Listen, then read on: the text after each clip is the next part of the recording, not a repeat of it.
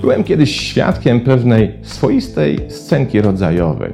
Oto na uniwersyteckich schodach pewien znany ze swej kąśliwości profesor spotkał innego profesora, tym razem jednak wyciszonego introwertyka.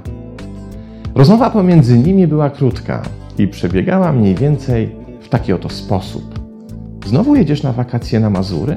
Zagadnął złośliwiec swego kolegę. W to samo miejsce jak co roku, prawda? Na co wyciszony akademik nieśmiało przytaknął. Następnie kąśliwy profesor nie omieszkał wypowiedzieć złośliwej uwagi ze swym nieznośnie przyklejonym do ust uśmieszkiem.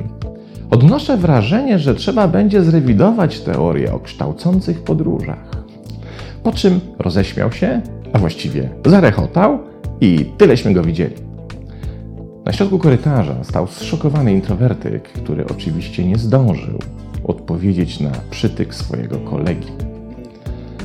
Dalszej części historii nie znam, ale mogę z dużym prawdopodobieństwem założyć, co też zadziało się w głowie naszego introwertyka w kilka chwil później.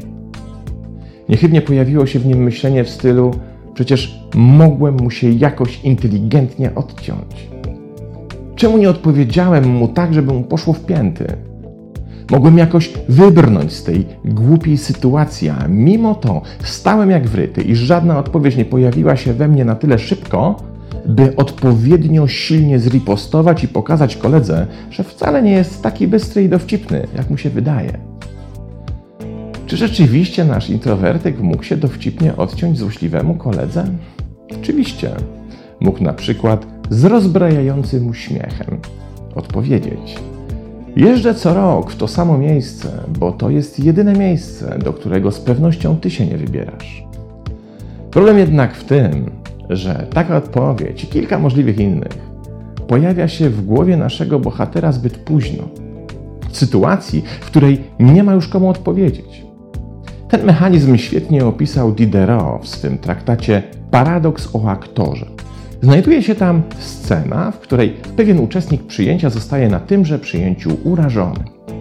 W efekcie tego strzela focha i demonstracyjnie opuszcza przyjęcie, by w ten sposób zamanifestować swoją niezgodę na to, co go spotkało. Jednak kiedy już znajduje się na schodach, w jego głowie pojawia się znakomita riposta, rodzaj celnej odpowiedzi, za pomocą której mógłby pogrążyć tego, przez którego został wcześniej obrażony. Jednak jest już na nią za późno. Nie może już wrócić na przyjęcie, z którego tak demonstracyjnie wyszedł. Nie da się w tej sytuacji osiągnąć właściwego efektu, ponieważ sama sytuacja już na to nie pozwala. Jeśli by próbował wrócić na przyjęcie, to niezależnie od tego, co by powiedział, najprawdopodobniej ośmieszyłby się jeszcze bardziej.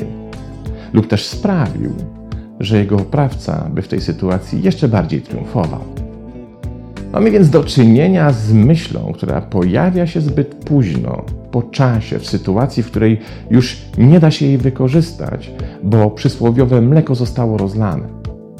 Wtedy właśnie pojawia się rodzaj żalu i irytacji, w której urażony osobnik zaczyna sam sobie zarzucać, dlaczego nie wpadł na właściwą ripostę wcześniej.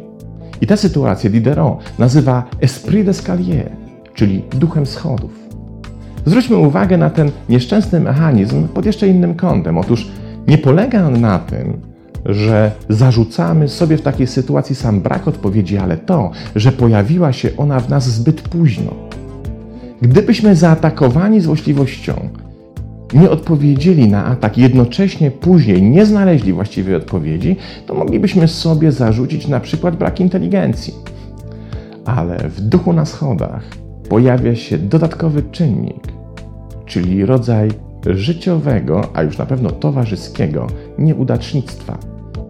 Bo przecież nie chodzi o to, że nie wiedzieliśmy, co powiedzieć ale o to, że właściwa odpowiedź nie pojawia się w nas na czas. I tutaj zaczynamy konstruować zarzut w stosunku do samych siebie, którego fundamentem jest nasza spóźniona reakcja. A to jest wyjątkowo ciężki zarzut. Dlaczego? Bo w naszej kulturze jest synonimem rodzaju umysłowej ociężałości. Ile razy zdarzyło Ci się doświadczyć następującej sytuacji? Oto ktoś w grupie znajomych opowiada dowcip lub jakąś śmieszną historyjkę. Po skończonej opowieści zgromadzone towarzystwo zarykuje się ze śmiechu z usłyszanej puenty. Ale jest jeden wyjątek.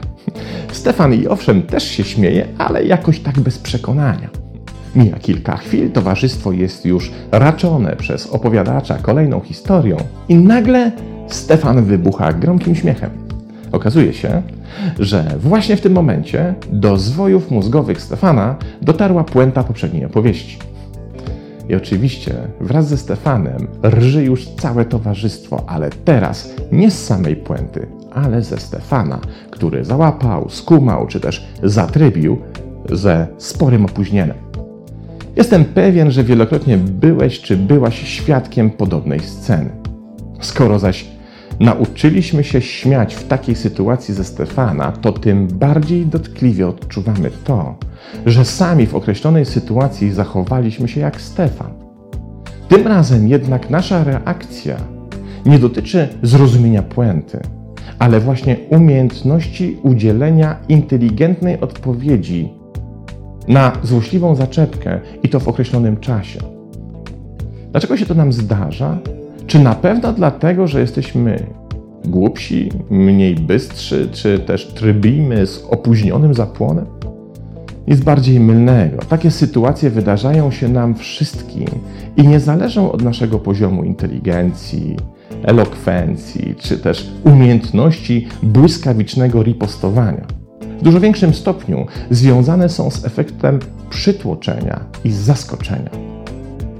Przecież nie egzystujemy w taki sposób, by nic innego nie robić, tylko na każdym kroku spodziewać się jakiejś kąśliwej uwagi, zaczepki czy złośliwości. Nie spędzamy nocy na skrupulatnym notowaniu wszelkich możliwych ripost przydatnych w każdej sytuacji i nie uczymy się ich na pamięć do białego rana.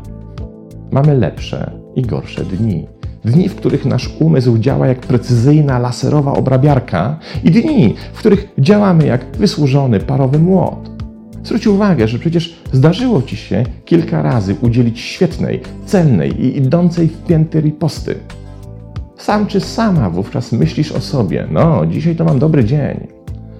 A zatem to nie kwestia naszej lotności, ale po prostu dnia, w którym Pewne zachowania przychodzą nam łatwiej i szybciej, a wśród nich również na tyle celne riposty, by przegonić ducha ze schodów. Jednak w tym zjawisku zdajemy się nie zwracać uwagi na zupełnie inną rzecz. Coś, co pomijamy, bo jesteśmy wyłącznie skoncentrowani na zarzucaniu samym sobie braku odpowiedniej reakcji w odpowiednim czasie. Otóż duch na schodach wyłącznie dowodzi, że tak naprawdę przejmujemy się opinią innych o sobie. Że martwimy się tym, jak inni nas widzą i oceniają. Gdyby było nam to obojętne, to nie byłoby najmniejszego powodu do zadręczania się zbyt późnym zatrybieniem. Gdyby introwertyczny profesor z początkowego przykładu tak naprawdę nie przejmował się tym, co o nim pomyśli jego złośliwy kolega, to skwitowałby jego uwagę litościwym uśmiechem, a nie żadną ripostą. Bo litościwy uśmiech dla atakującego jest dużo bardziej niepokojący niż radość, którą otrzymuje z faktu wykonania bezkarnego ataku.